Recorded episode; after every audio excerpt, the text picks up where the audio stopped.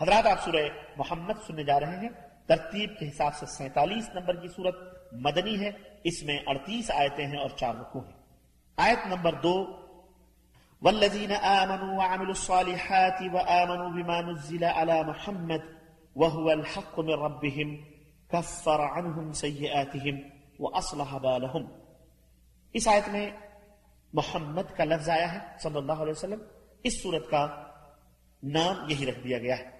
لیکن اس صورت کا ایک دوسرا نام بھی قتال بھی ہے، جو آیت نمبر بیس، فَإِذَا أُنزِلَتْ سُورَةٌ مُحْكَمَةٌ وَذُكِرَ فِيهَا الْقِتَالُ، رَأَيْتَ الَّذِينَ فِي قُلُوبِهِمْ مَرَضٌ يَنْظُرُونَ إِلَيْكَ نَظَرَ الْمَغْشِيِّ عَلَيْهِ مِنَ الْمَوْتِ۔ اس سے ماخوذ ہے۔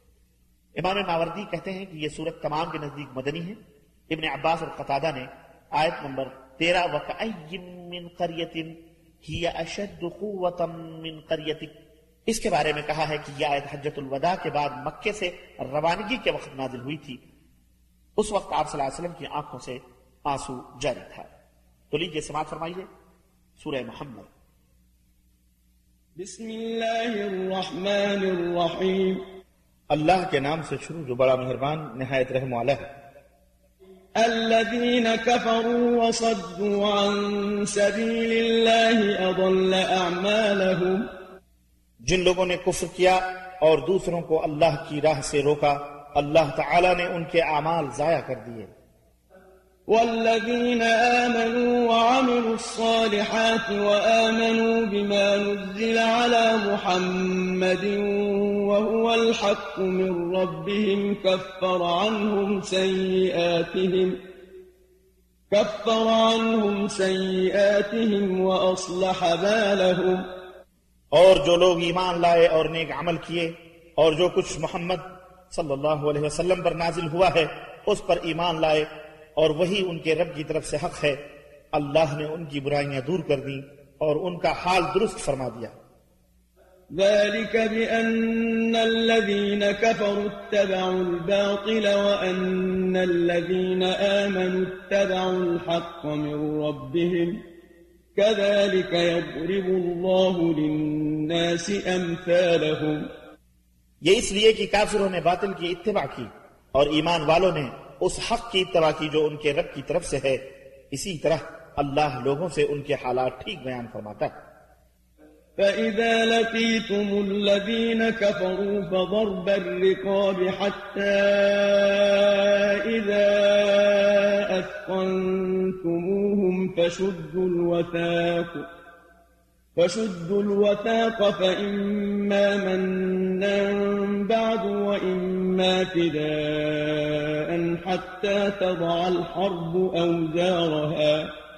ذلك ولو يشاء الله لانتصر منهم ولكن ليبلو بعضكم ببعض.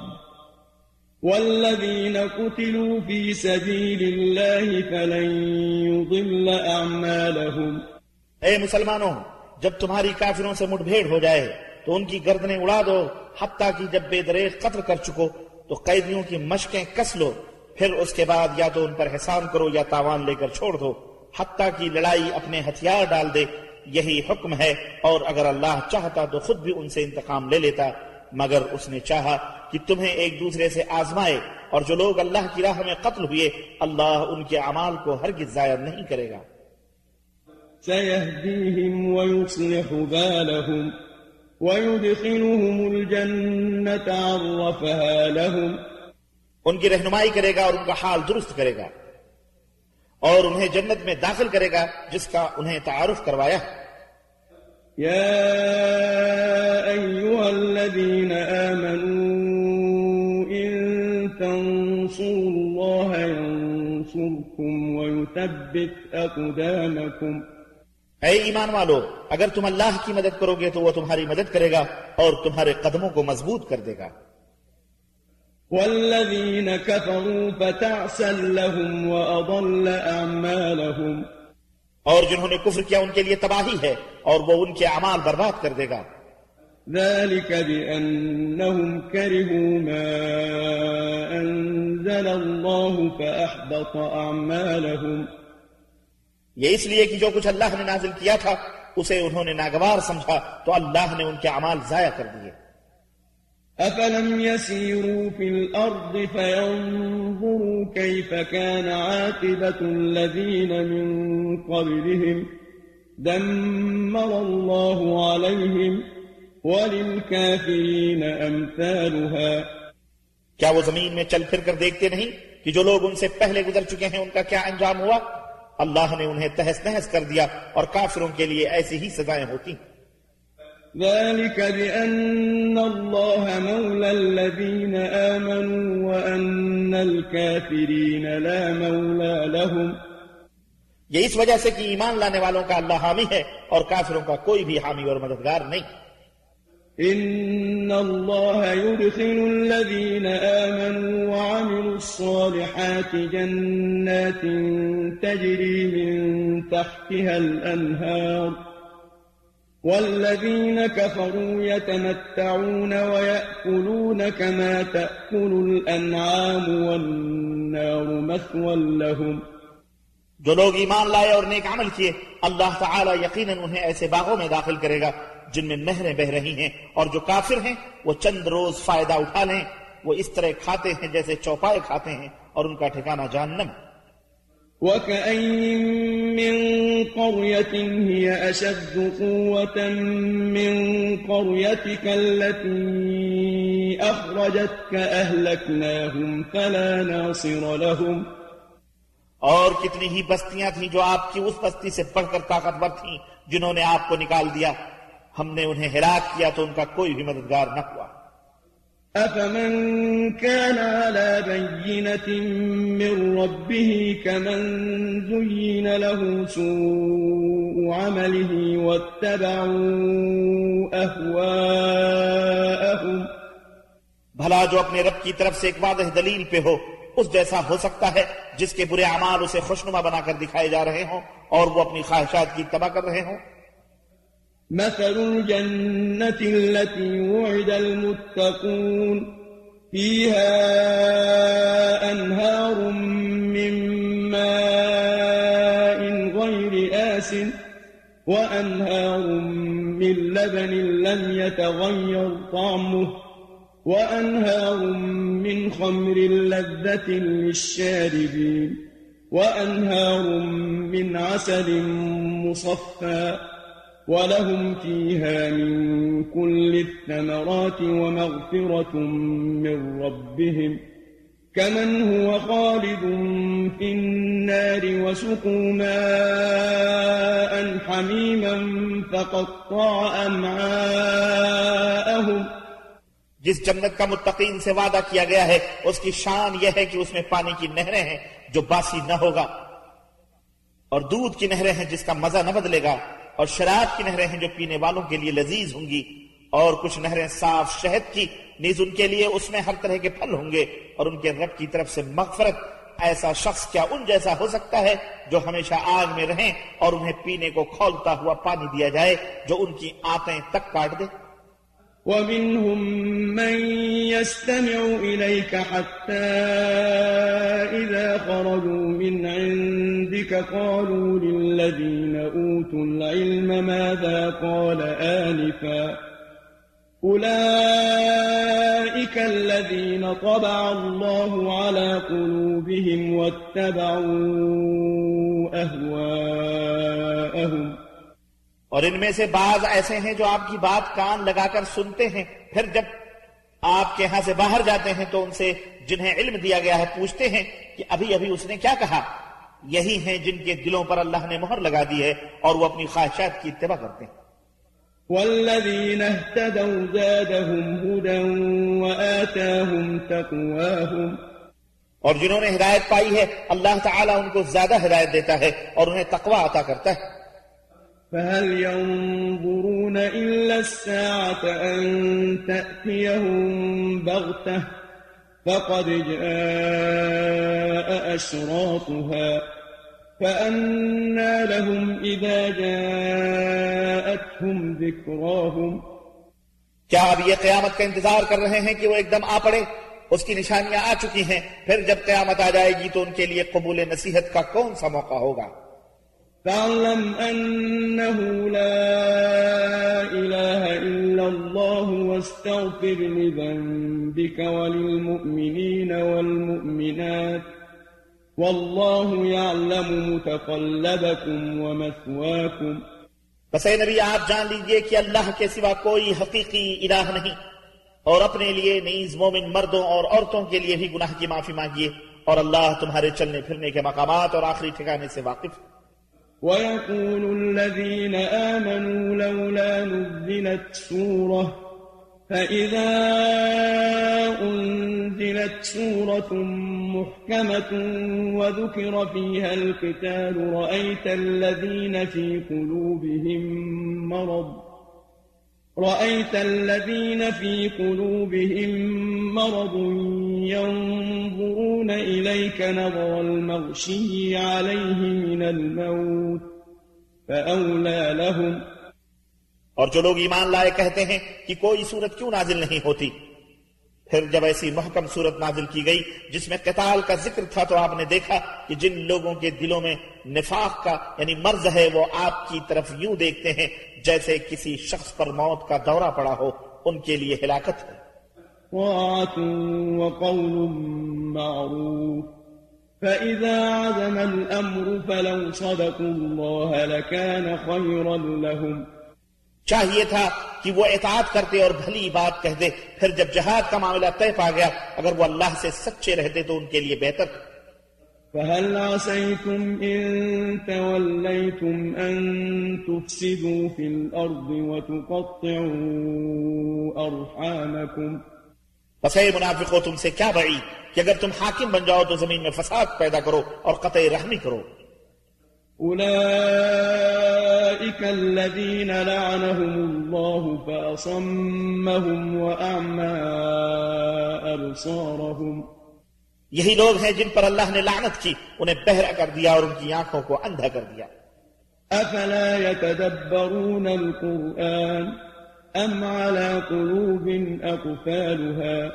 کیا یہ لوگ قرآن میں غور نہیں کرتے یا ان لوگوں کے دلوں پر قفل پڑے ہوئے ہیں؟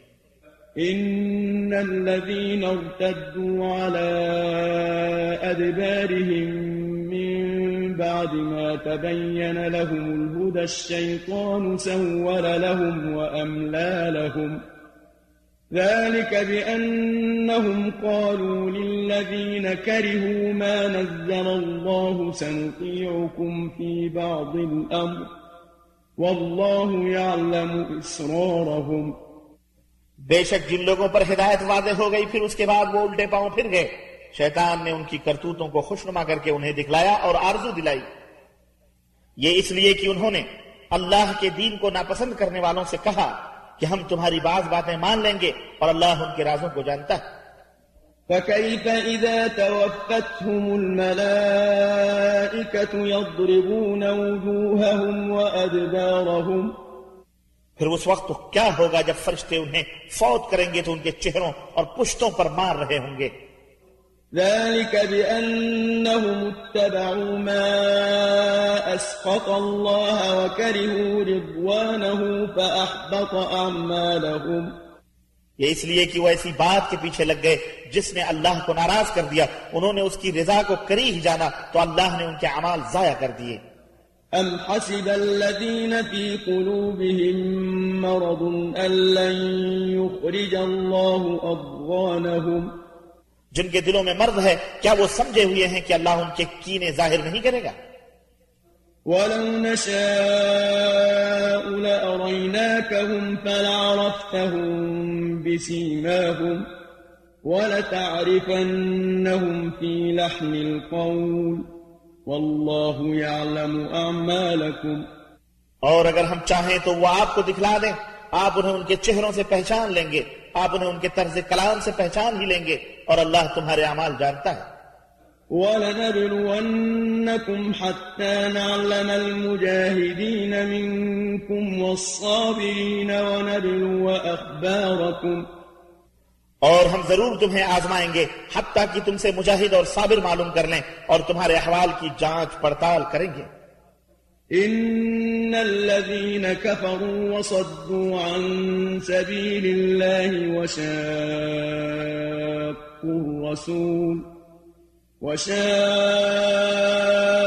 الرسول من بعد ما تبين لهم الهدى لن يضروا الله شيئا وسيحبط أعمالهم. بلا شبہ جن لوگوں نے کفر کیا اور اللہ کی راہ سے دوسروں کو روکتے رہے اور ان پر ہدایت واضح ہو جانے کے بعد رسول کی مخالفت کی وہ اللہ کا کچھ بھی نہیں بگاڑ سکتے اور اللہ ایسے لوگوں کے اعمال برباد کر دے گا۔ يا أيها الذين آمنوا أطيعوا الله وأطيعوا الرسول ولا تبطلوا أعمالكم اے ایمان والو اللہ کی اطاعت کرو اور اس کے رسول کی اطاعت کرو اور اپنے عملوں کو ضائع نہ کرو. إن الذين كفروا وصدوا عن سبيل الله ثم ماتوا وهم كفار فلن يغفر الله لهم بے شک جن لوگوں نے کفر کیا اور دوسروں کو اللہ کی راہ سے روکا پھر اسی کفر کی حالت میں مر گئے اللہ انہیں کبھی معاف نہیں کرے گا۔ فلا تهنوا وتدعوا إلى السلم وأنتم الأعلون والله معكم ولن يتركم أعمالكم۔ بس اے مسلمانوں نہ تم سستی دکھاؤ اور نہ دشمن سے صلح کی درخواست کرو۔